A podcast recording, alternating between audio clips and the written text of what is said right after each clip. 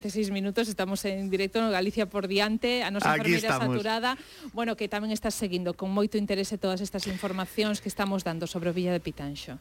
Pois sí, pois sí, dende logo que sí, Cristina, porque, bueno, son uns días especialmente tristes, eh, penso que para todo Galicia, ainda que eu son de interior, eu son de Lugo, eu vivín toda a miña vida en Lugo, eh, pero é realmente non, non tes tanto contacto co, co mar, porque eu son máis de interior, pero, bueno, ao final eh, penso que seixas de interior ou seixas de costa, este claro. tipo de, de cousas, pois nos afectan a todos dun xeito ou doutro, e, eh, bueno, ao final, eh, o que decides tantas veces estes días, non? E logo queixámonos de que, de que o peixe caro, non? Mm. É, é un pouco así. O que pasa é que a mágoa desto é que moitas veces ese prezo que pagamos polo pescado non se repercute no, no que cobran realmente os mariñeiros, non? Mm. E se non vai quedando polo medio, pois un pouquiño como pasa, falan, volvendo tamén o interior, pois o prezo da leite, non? Por exemplo, o que pagas no supermercado non ten nada que ver co que, co que logo leva o gandeiro. Claro.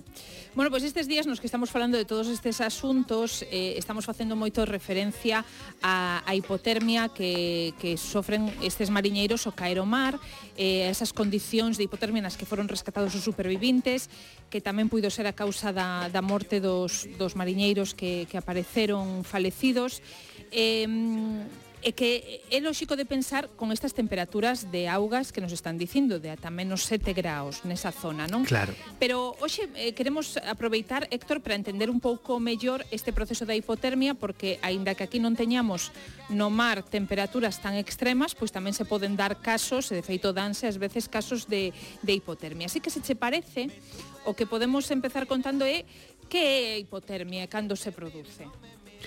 Pois, pois sí, como di, realmente eh, a causa do falecemento pois pode que sexa moi probablemente esa a, a hipotermia e como dis tamén non fai falla estar nesas temperaturas extremas de onde de temperaturas de auga rondando os 0 graus, senón que tamén noutros ambientes podese dar esa esa hipotermia. Básicamente, a hipotermia, se vamos a a, a definición, eh, sería pois eh, da produciríase cando a temperatura do corpo baixa de 35 graus. A temperatura do corpo cando poñemos o termómetro na casa e vemos pois tes 35 3.37, 3.36 e medio, 3.39, bueno, pois pues cando baixa de 35 é cando empeza o proceso todo de, do hipotermia. Digamos que, que 35 graus sería a temperatura límite a que o noso corpo eh, funciona con normalidade, non? Uh -huh. A partir de aí eh, é cando empezan a cambiar as cousas. E, e con esa, cando empeza a baixar así esa temperatura, que se nota? Cales son os síntomas?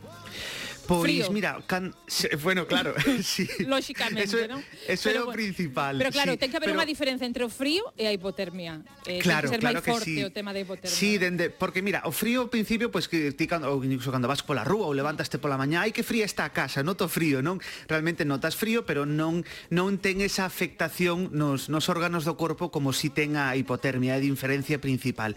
Por exemplo, pois pues, o, afecta o corazón, o sistema nervioso, eh, outros esos, esos órganos órganos, o tanto o corazón como o sistema nervioso e algún outro, empeza a funcionar mal.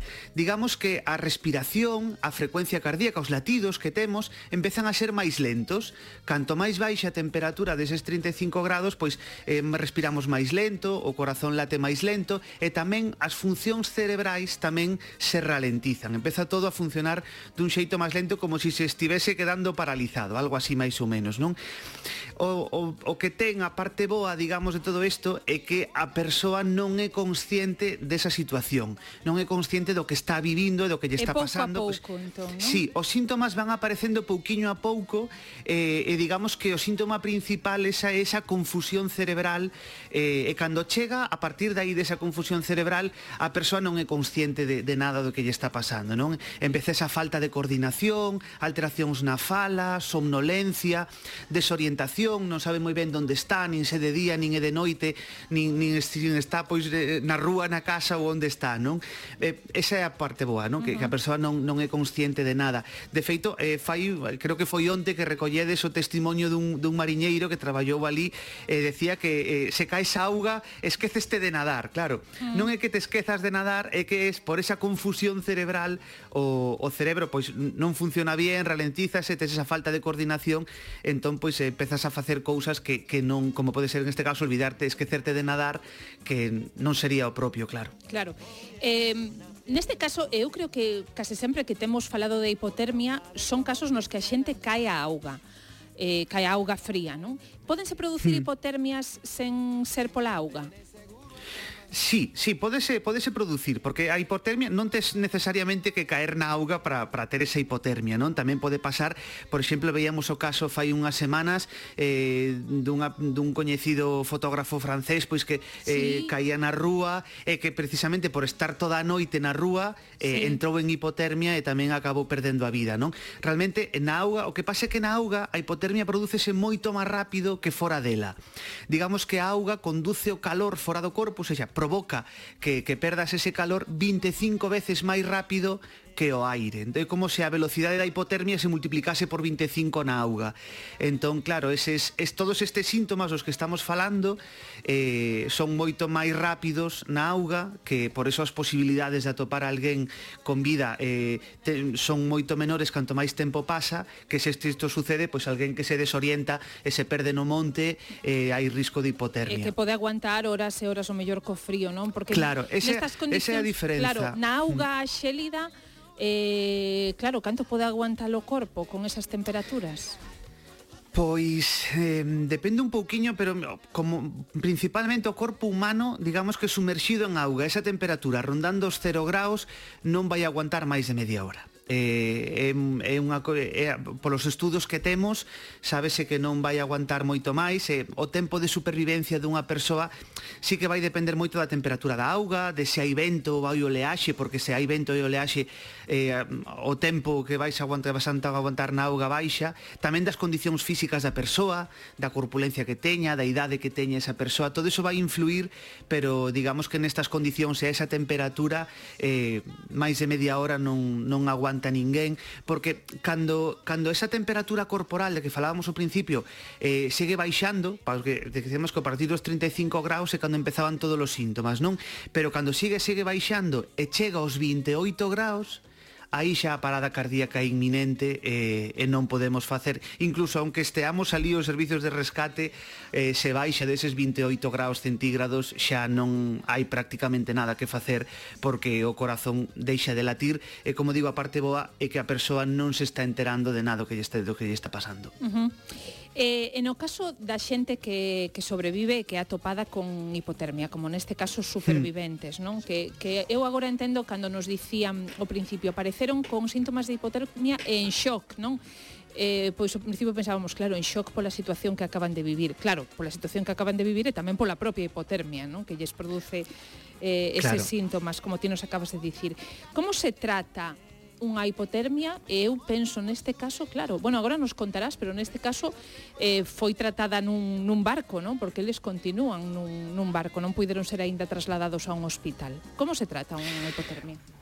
pois eh, a, a, o instinto primeiro é, é quitar a roupa que está mollada e, e poñer calor, non? Canto máis mellor. Pois van, veña a poñer mantas, veña a poñer, vamos a poñelo ben pretiño dunha estufa, vamos a darlle canto máis calor mellor, pero pero non é así realmente, non? Ese ese requencemento, por así decilo, ten que ser progresivo. Igual que foi vai perdendo temperatura pouco a pouco, ten que ir gañando esa temperatura pouquiño a pouco e non non debemos, claro, es, penso que neste barco eh, cando rescataron, non sei se había sanitarios ou non, eh, farían o, o, que, o que sabían ou o que xa tiñan eses coñecementos por algún curso de primeiros auxilios que fixeran ou algo, non? De todas formas, fixeron o ben porque, bueno, a fin, a fin e a cabo eses, eses os supervivintes es, están aí, non? Aínda que sí que é certo que deberían estar varios días en, en observación eh, cando atopamos alguén en hipotermia, ben sexa na auga ou, ou fora da auga, deixámoslo varios días en observación porque por esa precisamente por esa confusión cerebral, por esa conmoción cerebral, por esa baixada de de frecuencia cardíaca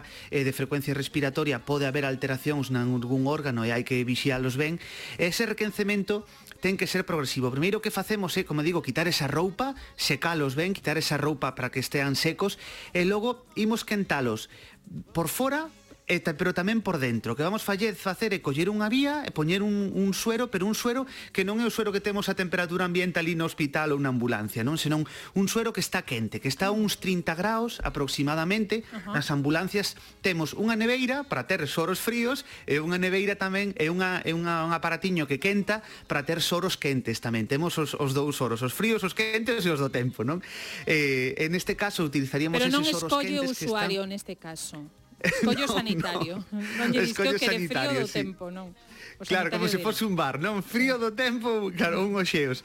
Non, lo pero que mira sí que, que curioso, poñer... porque eu dos soros fríos sí que me coincidira velos, pero non sabía que había soros mm. quentes para este Sí, pois pues, tamén, tamén. Levamos eses soros quentes que están aí nese aparatiño que, que os ten a máis ou menos a uns 30 graus e o que facemos é coller unha vía e poñer ese soro quente para tamén para quentalo dende dentro, de dentro a fora, non? Como se fose ese soro quente vai quentando o sangue, vai quentando esquentando os órganos pouquiño a pouco, como digo, e vai metendo ese calor de dentro a fora para, para ir subindo a temperatura progresivamente e non de golpe, porque se encontramos unha persoa que está con esa temperatura corporal de 30, 31, 32 graus e de repente subimos a 37 graus, pois claro, pode, pode ter un xoque, pode incluso eh, vir unha parada cardíaca. Por eso hai que ir subindo poquinho a pouco esa temperatura. O que é increíble fíxate que, que tan poucos graus, porque ao final mm, non, non son tantos, de 35 a un pouco menos de, ou de 36, que é o normal que teñamos, non? A hmm. 35, 34, aí xa estemos con eses 2 graus falando de, de hipotermia e de perigo para a nosa vida, cando non é tanto. Claro, claro, por eso decimos sempre que, que a liña que separa a vida da morte é tan, é tan, é tan estreita, non realmente? Porque sí que moita, eh, eh, simplemente eh, subir ou baixar dous graus sí. pode influir moitísimo na temperatura corporal eh, para ben e para mal, claro, non? Es, estamos moi acostumbrados moitas veces a teño 37, teño 38, pero claro, a partir dunha certa edade de temperatura, sobre todo en pequenos, en xente maior, nos preocupámonos moitos da, da febre para que non suba moito non, en, se manteña nun rango, non? Pero claro, cando cando baixa tamén tamén é preocupante, porque como dis, nada, baixa estamos normalmente a 36 e medio, pero é que baixa 2 graus e xa estamos eh, cun risco mm. importante e xa o, o propio corpo para tratar de manternos xa está eh, alterando as funcións corporais, estamos xa entrando en risco, non? Entón, esa, es, esa, esa temperatura corporal afortunadamente o, o noso corpo sabe como mantela en condicións normal, claro, non mm. non cando caemos nesas nestas augas ou cando estamos o perdidos non sen abrigar, pero sí que normalmente ten mecanismos para tratar de corrixir un pouquiño esa, esa temperatura. E que pasa cos que de normal temos 35 e medio? sí que é certo que, que hai persoas que, que normal, que todo o mundo parece que 36 e medio a temperatura, a temperatura Eu cando normal. teño 36 e medio, case que me empezo, digo, uh, casi que tes febre, non? non? Di, claro, ás veces é cando digo, ui, teño un pouco malestar, vou mirar, non? E eh, digo 36 e medio, e digo, non tes febre, digo, mm, para mí xa eh... Para min sí, sí. Sí que é certo que, claro, estos son temperaturas medias, non? Realmente claro. a maior parte da xente ten normalmente 36 e medio, pero logo hai xente que como diste de normal ten 36 ou incluso 35,8, 35,6 é a súa temperatura. Bueno, pois neste caso, eh, se, a se unha persoa con 36 e medio entre en hipotermia a partir dos 35, pois neste caso ti que estás máis acostumbrada a esa temperatura baixa, pois terías un pouquiño máis de marxen para baixo, non? Pero, Pero revés, sí que... para arriba non o teño, claro. Pero para arriba, claro, claro para arriba non, claro. Bueno, pois Héctor, moitísimas grazas unha semana máis. Mandamos un bico moi forte. Grazas por ser tan, eh, bueno, tan didáctico, como sempre. Sí, sobre todo moitas grazas e unha aperta e un bico moi grande a, a todas as persoas do mar e neste caso pois as persoas dos familiares dos desaparecidos e dos falecidos. I feel like